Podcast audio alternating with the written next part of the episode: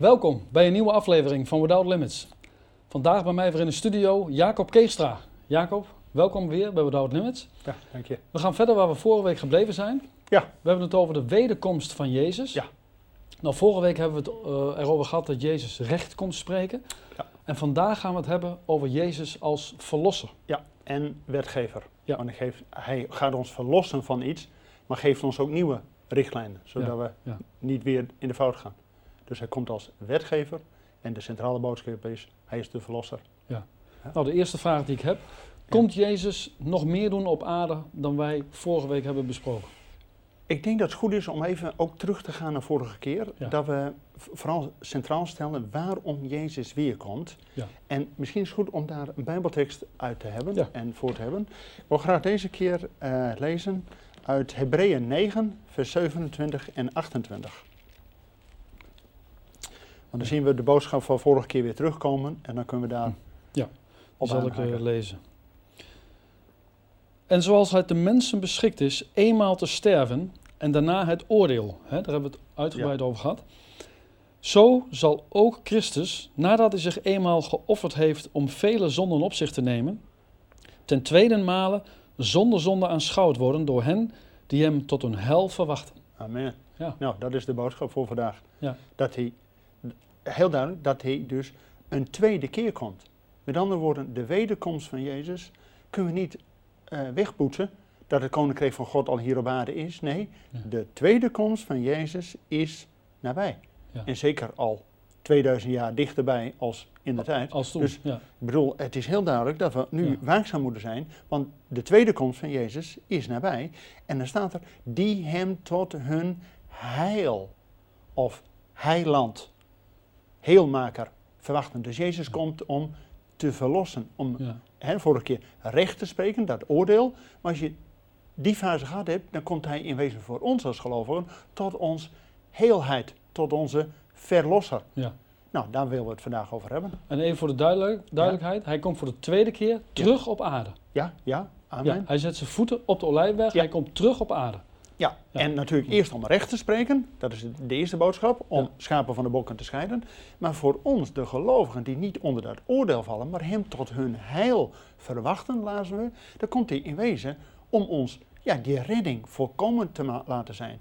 Want er staat ook, de wereld zucht en in, is in baresnood tot het openbaar worden van de zonen gods. Dus wij moeten al die heerlijkheid van God uitstralen. Maar het betekent ook, wij als gelovigen hebben hoop op de openbaarwording van Jezus Christus. 1 Peter 1. Met andere woorden, wat is het dan? De verlossing van ons lichaam.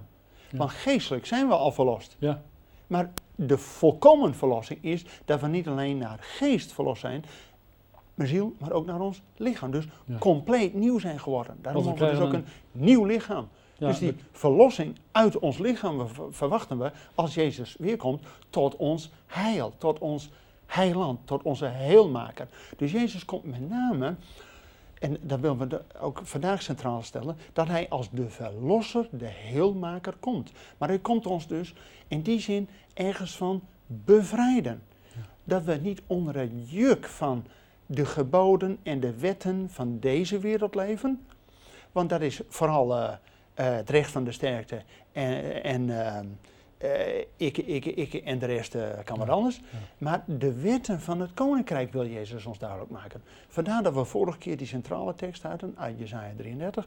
De Heer is onze rechter, de Heer is onze wetgever en de Heer is onze koning. Nou, over de koning zullen we de volgende keer hebben. Maar nu dus, hij is de verlosser die ons ook die nieuwe wetten van het koninkrijk aanreikt. Zodat we niet weer terugvallen in de oude wetten van deze wereld. Van de recht, het recht van de sterkste en eh, ik, ik, ik Ja. en al het andere.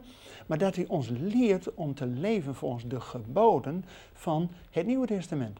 En Jezus zegt ook in ehm, Johannes 14, vers 15. Wanneer gij mij lief hebt, zult gij mijn geboden doen. Trouwens, het is veel moeilijker om de geboden van het Nieuwe Testament te doen dan de geboden van het Oude Testament. ja, met de geboden van het Oude Testament bedoel je de tien geboden. Ja, maar er staan nog 613 geboden in het Oude Testament. Dus de orthodoxe Joden die houden zich aan die 613 geboden. Maar in het Nieuwe Testament, weet je dat daar wel duizend geboden staan? Nee, dat wist ik niet. Dat is niet te doen. Met andere woorden, we hebben God nodig Ja. in Jezus die dat voor ons uitwerkt. Want uit eigen kracht kunnen we nooit bidden alle tijden. Waakt ten alle tijden. Ehm, verheugt u ten alle tijden. Min, dat kunnen we toch nooit doen? Ja. Uit eigen kracht kunnen we dat niet doen. Met andere woorden, het Nieuwe Testament is zonder geloof in Jezus niet te doen. Maar met onze Heer, natuurlijk, gaan wij Ja. in het licht van Hem wandelen. Want met hem is alles mogelijk. Amen. Amen. Ja, dat is jouw uitspraak, maar dat is natuurlijk wel eh, de Bijbelse waarheid. Ja. Maar dat betekent dat wij de geboden van Jezus, en dat heeft natuurlijk alles weer te maken, wat ook al in het eerste verbond, het Oude Testament staat, hè, die tien geboden de twee stenen tafel, maar dat is natuurlijk samengevat in, heb God lief boven alles en je naast als jezelf. Dat is Ja. ook de gulden regel, de gouden regel van het christendom. Ja. En daar zitten ook eigenlijk al die geboden in. Daar zit al die geboden in. Maar betekent ook, Jezus komt om recht te spreken, hebben we vorige keer gezien. Maar dat hij dus ook ons de regels, de rechtmatige regels, de wetten van het koninkrijk geeft. En nou is het heel belangrijk om te weten dat het Nieuwe Testament gefundeerd is in het Oude Testament. Ja.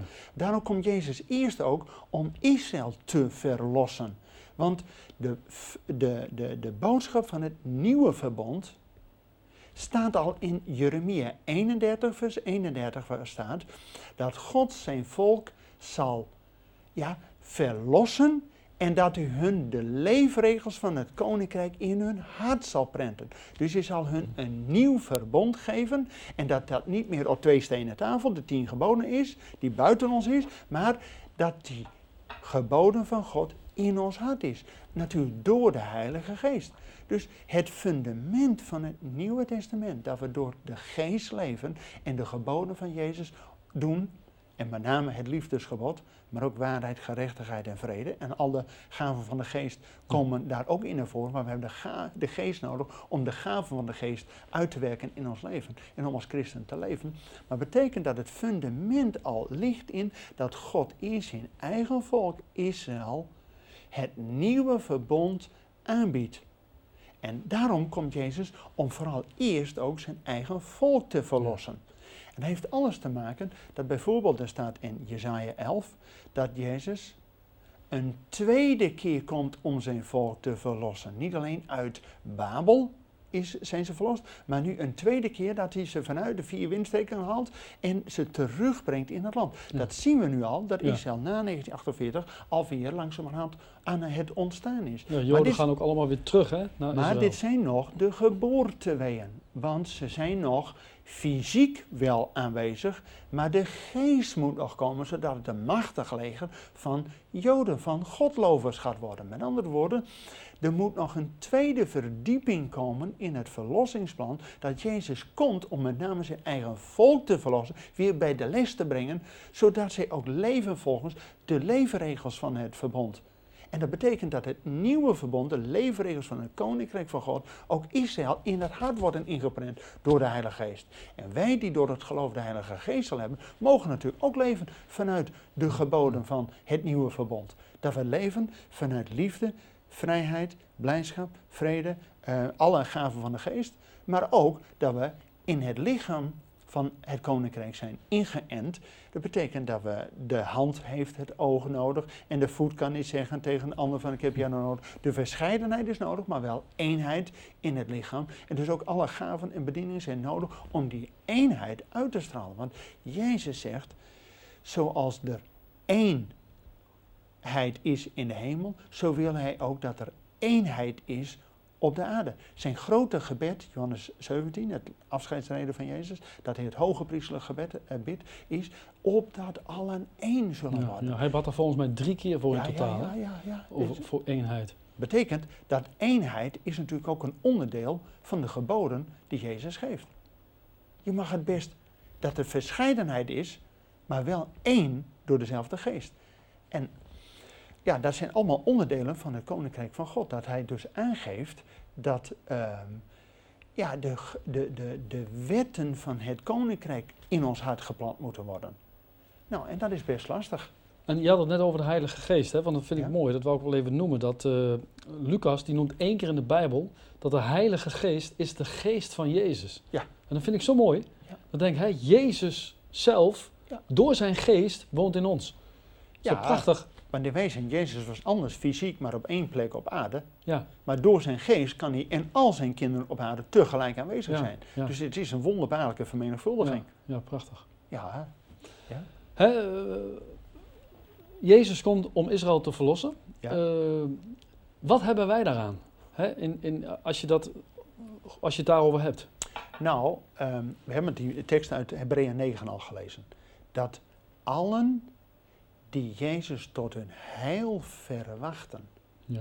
Nou, en in Hebreeën 9 betekent ook Nieuwe Testament dat het ook voor ons als gelovigen is. Dus het is niet alleen dat Jezus komt om Israël weer terug te brengen, te verlossen en de leefregels van de koninkrijk te geven, maar ook voor ons die tot geloof in hem zijn gekomen. Want het zal worden één kudde, één herder. Dus hij gaat herstel voor Israël geven. De verlosser zal uit Sion komen, eh, Romeinen 11. Maar wij zijn door het geloof al geënt op die edelolijf in diezelfde Romeinen 11 staat dat. Betekent dat wij dezelfde verlossingsplan hebben als Israël. Wij delen in dezelfde gaven van de geest. Wij delen in dezelfde beloften van Abraham. We zijn niet ehm, bijwoners, we zijn geen vreemdelingen, we zijn kinderen van God, we zijn erfgenamen, mede-erfgenamen van Christus. Ja. Dus dat Jezus komt om te verlossen en de leefregels van de koninkrijk te geven, geldt natuurlijk niet alleen voor Israël, maar ook voor ons. Ja. Dus die belofte, en dat staat al vier keer in het Oude Testament, over de knecht des Heren. Bijvoorbeeld Jesaja 49, waar staat dat de knecht des Heren wordt geroepen om Israël te verlossen. Maar dan zegt God, het is mij te gering dat gij alleen de verloren schapen van het huis Israëls terugbrengt. Ik zal u stellen tot een licht voor de volkeren. Nou, dat is ook voor ons. Dus wij delen volledig in het heilsplan van God met deze wereld. Daarom wordt het evangelie vanuit Jeruzalem de wereld over, zodat wij ook tot geloof komen en wij samen ook weer hem terug verwachten in Jeruzalem. Ja. En we gaan het volgende keer hebben over dat wanneer Jezus weer komt en zijn voet zal zetten op de olijfberg, dat hij koning zal worden Ja. vanuit dat punt. Ja. Want vanuit dat punt, Sion, zal ook de Torah, die wetgeving, die leefregels, die onderwijzing. Alleen het gekke is, in de kerkgeschiedenis hebben wij altijd gezegd, de geboden. Nou, dat staat er niet. Bij God zijn het de Torah, de onderwijzing, de leefregels, om je te onderrichten. Ja. Nou, dat is helemaal niet om. eh, eh, nee, het is om. Doe dit en gij zult leven. Ja. Dus het- God heeft niet ons oordeel op het oog, God heeft ons leven op het oog. Kies dan het leven, hè? Staat in Ja. Deuteronomium. Ja. En we hebben natuurlijk vorige keer al gehad over. In naam van God als gezanten van Christus. Laat u met God verzoenen. Dus we hebben een boodschap van hoop. In de wereld is geen hoop, maar laat u verzoening. Zodat je ook Jezus tot je heil, tot je heiland mag verwachten. Nou, en dat wij delen in diezelfde heilsbelofte. En de heilsplan van God ook niet alleen voor Israël is, maar voor alle volkeren. Nou, dat staat al vier keer in het Oude Testament. Dat die knecht van, van Israël, Jezus, om Israël weer terug te brengen, maar ook het licht te zijn voor alle volkeren. Als Jezus voor de eerste keer in de tempel wordt gebracht, nog als babytje, dan zijn die twee ouderen vandaag, Simeon en Anna, die profeteren drie dingen. Dat hij zal zijn tot een licht voor de volkeren, heerlijkheid voor zijn volk Israël en verlossing van Jeruzalem. Dus het gaat ook om die verlossing van Jeruzalem, want daar zal ik komen om als koning te regeren. Ja. Dus die verlossing is natuurlijk inclusief, is voor ons, voor Israël en uiteindelijk voor, voor Jeruzalem, waar hij zijn koninkrijk zal, vanuit zal gaan vestigen, om uiteindelijk over de hele wereld uit te rollen. Ja. En dan mogen wij met hem regeren. Nou, dat zullen we volgende keer zien. Amen. Maar die leefregels van het koninkrijk, Jezus zegt, mijn geboden zijn niet zwaar. We hebben het wel eens over, oh, dat is allemaal zo moeilijk als je christen bent, want je mag dit niet en je Ja. moet dat. Nee, Maar als het goed is, wil je het niet meer. je wilt al dat andere niet meer. Het is een ballast, Ja. laat je dat allemaal achter. Want Ja. wat staat er heel duidelijk in, de, in het Nieuwe Testament? Dat de wereld uit angst voor de dood tot slavernij gedoemd is. Dus ze houden zich allemaal maar vast. Je moet dit doen om, om uh, gelukkig te zijn. Je moet dat doen, anders hoor je er niet bij. Je moet dat vooral hebben om helemaal weer uh, happy te zijn. Dat zijn allemaal wetten die we onszelf hebben op laten leggen. En daardoor zijn we weer teruggegaan naar een slavernij. En Jezus heeft ons vrijgekocht van die slavernij. Laat je dan niet weer knechten. Dus allen die hem tot hun heil verwachten. Daarom is het woord van God niet alleen een lamp voor onze voet, waar we dagelijks in het licht de handelingen moeten doen, maar ook een licht op ons pad, waar we weten dat zijn licht komende is. Nou, en dat betekent dat we nu al leven in het licht van de koninkrijk. Dus ook de leefregels van de koninkrijk moeten doen. En dat is natuurlijk allemaal, heb je naaste lief als jezelf. Een van de belangrijkste, vind ik zo. Daar kunnen wij nog wat van leren. Ik, ik heb het vooral over mezelf. Hè. Filippenzen 2, vers 3. Daar staat, in ootmoedigheid of nederigheid, acht de een de ander uitnemender dan zichzelf. Nou, dan hebben wij als christen nog een hoop te leren. Want voor dit weten hebben we toch heel veel trots. Hè? Van ik ben toch eigenlijk nog eventjes, net eventjes beter dan jij. en de Heer mag eigenlijk wel een beetje tevreden met mij zijn. Hè? Want ik ben niet zoals die tollenaar. Zie je hetzelfde gebed? Dat die fariseeërs, die dachten al, oh ik ben lekker veel beter. Maar die tollenaar had het begrepen. Die keek niet naar de hemel, die zegt maar één ding: Heer, wees mij zondaar, genade. Die wist wat zijn plek was. Maar die werd behouden. Ja. Geweldig toch? Als wij vanuit die houding, dat we als die tollenaar die het niet zelf kunnen, want de geboden in het Nieuw Testament zijn duizend, nou die kun je uit eigen kracht niet hebben en, en niet volbrengen. Dus we hebben Gods geest nodig. Maar Heer, geef me uw geest dat ik in uw licht mag wandelen. En als wij hem bidden om zijn geest, zal een vader die zijn die, waarvan de kind vraagt om een brood hem niet voor stenen geven, zo zal de hemelse vader ons ook de heilige geest geven die hem daarom bidden. Dus we mogen door Gods geest de leefregels van de koninkrijk kennen. Nou, en mijn geboden zijn niet zwaar, zegt Jezus. Daarom werpt u juk van je, van al die slavernij, want mijn geboden zijn licht. Maar dat betekent, ja, wij vertalen dat iedere keer maar geboden. Het zijn gewoon de leefregels. We willen volgens de koers die Jezus ons heeft. Ik had eens een een geweldig verhaal gehoord. Van iemand die, en die, uh, er was een kapitein van een schip. En die voer bij Indonesië, bij al die eilanden langs. En die toeristen over de reuling kijken en die zagen allemaal rotsblokken dichtbij. En denken, oeh, kapitein, gaat dit wel goed? Ja. Kapitein, kent u al die rotsblokken? De kapitein zegt, nee. Maar ik weet de route. Toen dacht ik, ja, wij zitten ons zo vaak op die omstandigheden. Oeh, apen hier, beren daar. En we zijn alleen maar druk met al die dingen, die omstandigheden, zonder dat we onze route kennen. Want de Heer zegt al in Psalm 37, eh, ik zal u de weg wijzen. Nou, die weg is niet zwaar. De geboden van de Heer, eigenlijk de leefregels zijn niet zwaar. Werpt die juk van je af, die slavernij die ons door de wereld zijn aangepraat. Van oeh, je moet toch al vooral net even iets beter dan je buurman zijn. Je moet ons net even te vergelijken met je buurman. Dat zijn allemaal dingen van deze wereld. Van nou, deze een prachtige openbaring wat je nu zegt. Ja, het is eigenlijk niet zo moeilijk, maar we moeten ons iedere keer weer eraan herinneren. Ja. Dan is het ook mooi deze boodschap, want ik word er ook iedere keer zelf weer bij bepaald. Dat je iedere keer weer nodig hebt, de een acht de ander uitnemender dan zichzelf. Met andere woorden, ik mag jou ook bemoedigen van, ga vooral door met de roeping die God op jouw leven heeft. God heeft mij heel duidelijk uh, uh, gegeven van, predik het woord. Nou, God heeft jou veel meer de boodschap van als evangelist. Nou, samen komen we een heel eind. Ja. ja, nee, maar ik bedoel, iedereen heeft zijn gaven in het lichaam van, van Gods koninkrijk. Maar het gaat er dus allemaal om dat we leven volgens de levens, uh, leefregels van het koninkrijk. En dat betekent dat je elkaar niet zit te ver, verbijten, maar elkaar de ruimte geeft om tot bloei, tot volle wasdom ja. te, te komen. En je mag best wel eens een verschillende visie hebben. Ja, natuurlijk. Jezus was toch ook drieënhalf jaar met zijn discipelen bezig om hen te coachen en na de opstanding nog 40 dagen uitleggende van het koninkrijk. En toen pas door Gods geest dat ze de wereld werden ingezonden. toen waren ze bekwaam. Nou, wij worden pas bekwaam dat we door Gods woord en door Gods geest de marsroute van God hebben. En niet om al die omstandigheden, al die rotsblokken hier en links en rechts. Want dat benauwt ons alleen maar. En dan struikelen we over. Dan struikelen we, dan zitten we veel te veel op onze knieën te kijken. We moeten de route voor ons houden.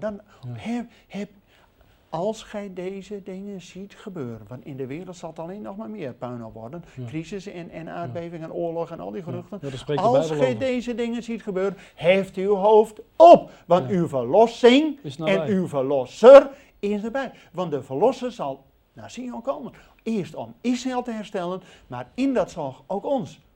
Nou, ik bedoel, daarvoor gaat het koninkrijk leven. Prachtig, hè? Ja, dat is gewoon geweldig. Prachtig. Ik heb nog een vraag. Ja, Ehm, als we nog een keer vers 28 lezen van Ja. eh Hebreeën 9.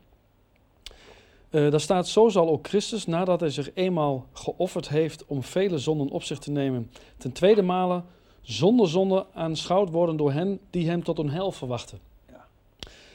Maar wat gebeurt er dan met diegenen die hem niet tot een hel verwachten? ja, daar hebben we natuurlijk in wezen vorige keer al gezien. Nou, ik wil daar toch nog even duidelijk op terugkomen. Er zijn misschien mensen die de aflevering van vorige week niet hebben gezien. En ik denk dat het toch belangrijk is Ja. dat we dat nog een keer duidelijk uitleggen.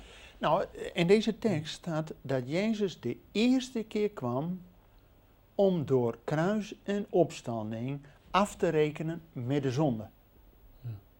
En de tweede keer komt hij om zonder zonde aanschouwd te worden in zijn heerlijkheid door ons die Jezus tot hun heil en als heiland, als heelmaker, als redder, als verlosser verwachten. Dus diegenen die, eh, die hem zeg maar eh, in hun hart hebben toegelaten. Ja. Ja. Hè, die een keuze hebben gemaakt voor Jezus. Die ook verlost zijn, Ja. nu al. Ja. Hè, doordat hij ook voor hun aan het kruis En we is zijn gestorven. natuurlijk eerst geestelijk van al onze zonden verlost, maar we zullen ook letterlijk een verlossing van ons lichaam ervaren Ja. bij de wederkomst. Want dan zullen wij ook een verheerlijk lichaam krijgen. Dus dan zullen al die ziekten en zonden en, en eh, ouderdom, Ja. dat zal allemaal weg zijn. Ja. Dan zullen we de uiteindelijke verlossing en dus ook een heelheid van deze schepping ervaren. Ja. Dus het wordt tot in de kosmos weer als in het paradijs. Ja. Want eh, de schepping, en Jezus kwam om de schepping te herstellen. Hij kwam om herstel te brengen. Daarom was ook het offer precies ten tijde van het avondoffer, wanneer God de herschepper werd aanbeden. Maar jouw vraag was over degenen die dat nou niet hebben. En dus nog steeds in zonde leven, in de duisternis van de wereld, door de wetten van de wereld iedere keer geknecht worden, in slavernij, uit angst voor de dood, in slavernij gehuld worden. Ja. Ja, als je dat bij jezelf herkent en erkent, dan is er maar één woord nodig: Heer, red mij om eruit te komen. Ja. Want die, die tollenaar deed ook niks anders. Van, ja, die zat ook in de, in, in de puree. Want de Bijbel zegt, allen die, hen, die hem aanroepen, zullen Ja. behouden zijn. Ja, dus er, en degene aan het kruis naast hem. Ja. Nou, die was er toch bijna geweest. Ja, Ja, ik bedoel, het was 2 voor 12. ja. Maar hij had nog, maar die andere die denkt, oh, ik kan het allemaal zelf. Ja. Maar de ene die zei, Heer, red mij. ja. Nou, en toen Petrus één keer weer in het water teruggeplompte. Er was maar één woord nodig van, Heer, red mij. Nou, ja. En als je dat met je hart doet, allen die met hun hart geloven en met hun mond beleiden, Ja. zullen behouden worden. Ja. Romeinen 10. Ja. Dus ik bedoel, er is niet zoveel voor nodig. Maar Ja. je moet eerst met je volle verstand tot de erkenning komen. Ik kan het niet en ik zit hier gewoon in de puree. Ja. In de zonden, in de duisternis. Ja. Als je dat van jezelf herkent en erkent. Hè, die die, die, die eh, verloren zoon, die kwam er pas achter. Niet toen hij een luxe leventje eh, leidde en met al, iedere dag feest had. Maar Ja. toen hij bij de varkens, eh, dat hij zelfs de schillen van de varkens wilde eten. Toen dacht hij, nou, bij mijn pa en de dagloon is het beter. ja, Dus hij kwam tot besef, tot inkeer, tot inkeer, tot teshuva, tot bekering. tot bekering. ja. Ja. nou ja, inkeer, bekering, noem maar, maar het maakt allemaal niet uit. Het gaat erom dat je met je hart weet van, dit is het niet, maar ik moet de Heer hebben. Ja. En dan is één woord, één wachtwoord, Heer, red mij. Ja. Is voldoende. En dat is in wezen ook, bij de wederkomst, is er ook maar één wachtwoord. Waar wij nu als christenen vanuit mogen leven. En de eerste christenen hadden daardoor, Maranatha. Hier komt spoedig. Ja. Dat we ook uit al deze wereld, ook al zijn we verlost, zijn we kinderen van de Heer. Maar we leven nog wel in deze wereld. We hebben nog steeds te maken met ziekte, met zonde en we sterven ook nog steeds. Maar eenmaal, wanneer Jezus komt tot ons heil, tot ons heiland, tot onze redding en tot redding van deze wereld, dan zal de kosmos weer net zo worden als in de tijd van, eh, van het paradijs. Dan zullen we het duizendjarig vrederijk hebben. Dan zal zelfs een, eh, de eh, leeuw en, en het rund weer bij elkaar grazen. Ja. Nou, dan heb je weer shalom op deze wereld, weer heelheid. Ja. Maar tot die tijd, ja, leven wij in een gebroken wereld. En het is eigenlijk genade hè, dat Jezus nog niet gekomen is. Ja, Want God zegt ook hè, dat hij wil dat niemand verloren gaat, maar dat een Ja. ieder hè, tot de kentenis van de waarheid komt. Ja. Hè, dat ze behouden zijn. Daarom heeft God nog steeds geduld. Als een landman die geduld heeft totdat de oogst volkomen rijp is. Ja. Ik heb veel in de landbouw gewerkt en van die eh, boeren geleerd, je moet wachten tot het helemaal rijp is, het graan. Dan pas moet je de sikkel of tegenwoordig de combine eh, eh, over het land sturen. Want ah, als je alleen wacht totdat de eerste rijp zijn, ja, dan is de rest nog niet zo ver. Ja. Dus de God als landman wacht tot de volle koren helemaal rijp is. Ja. En dan de oogst. Ja, er zijn alleen wel. De oogst is rijp, maar bid de Heer van de oogst dat hij arbeiders uitzenden. Ja. Dus ik, ik hoop in mijn gebed is ook dat door deze uitzendingen, dat er ook nog velen tot geloof mogen komen. Dat ze erkennen en herkennen. De troep waar ik in nu zit, dat is hem niet. Jongens, we hebben nodig om in het plan van de Heer te zijn. En dat we hem tot onze redding verwachten. Ja. En uiteindelijk de verlossing van ons lichaam. Dat we ook al die ziekten en al die ouderdomskwalen en hup, man. Want als je huisarts bent, heb je een aflopend beroep. Maar straks, als Jezus weer komt, ja nee, ik bedoel, heb je hem niet meer nodig. Huisartsen hebben we niet meer nodig. Nee, dan niet meer. Want dan hebben we onze hemelse Ja. arts, is. Jezus. En die Ja. zal hier zijn. En dan zullen we, eh, de, de, de bomen zullen twaalf keer per jaar vruchten hebben. En de bladeren tot genezing. Nou, hebben we gewoon natuurgenezing. En dat voor eeuwig. En dat eh, duizend jaar lang. Wat een toekomst. Ja, geweldig. Dat Ja, is... eh, ja. Ja, prachtig. Ja. Nou Jacob, de tijd zit er alweer bijna op. Ehm, heel hartelijk dank voor deze aflevering. Volgende week, je hebt het al even gezegd. Hè, dan gaan we het hebben over. Ja, Jezus komt niet alleen om als rechter recht te spreken, komt niet alleen als wetgever om ons de leefregels van een koninkrijk te geven, Maar ook als koning. als koning. En we zullen er nog een toetje bij krijgen ook. Ja. Dat zullen we volgende keer zien. Maar hij komt als koning om te regeren. En wij Ja. mogen met hem regeren op de troon van zijn vader David. Oh, wat, een Nou, daar gaan geweldig, we naar uitzien. wat een geweldige Maar toekomst. dat betekent dat we als koningskinderen moeten leven. Ja. Ja, een hoge roeping voor ons. Als koningskinderen mogen leven. Nou, Ja. Dus we moeten in die positie gaan staan, denk ik. Prachtig. We gaan het er volgende week over hebben. Amen. Jacob, hartelijk dank.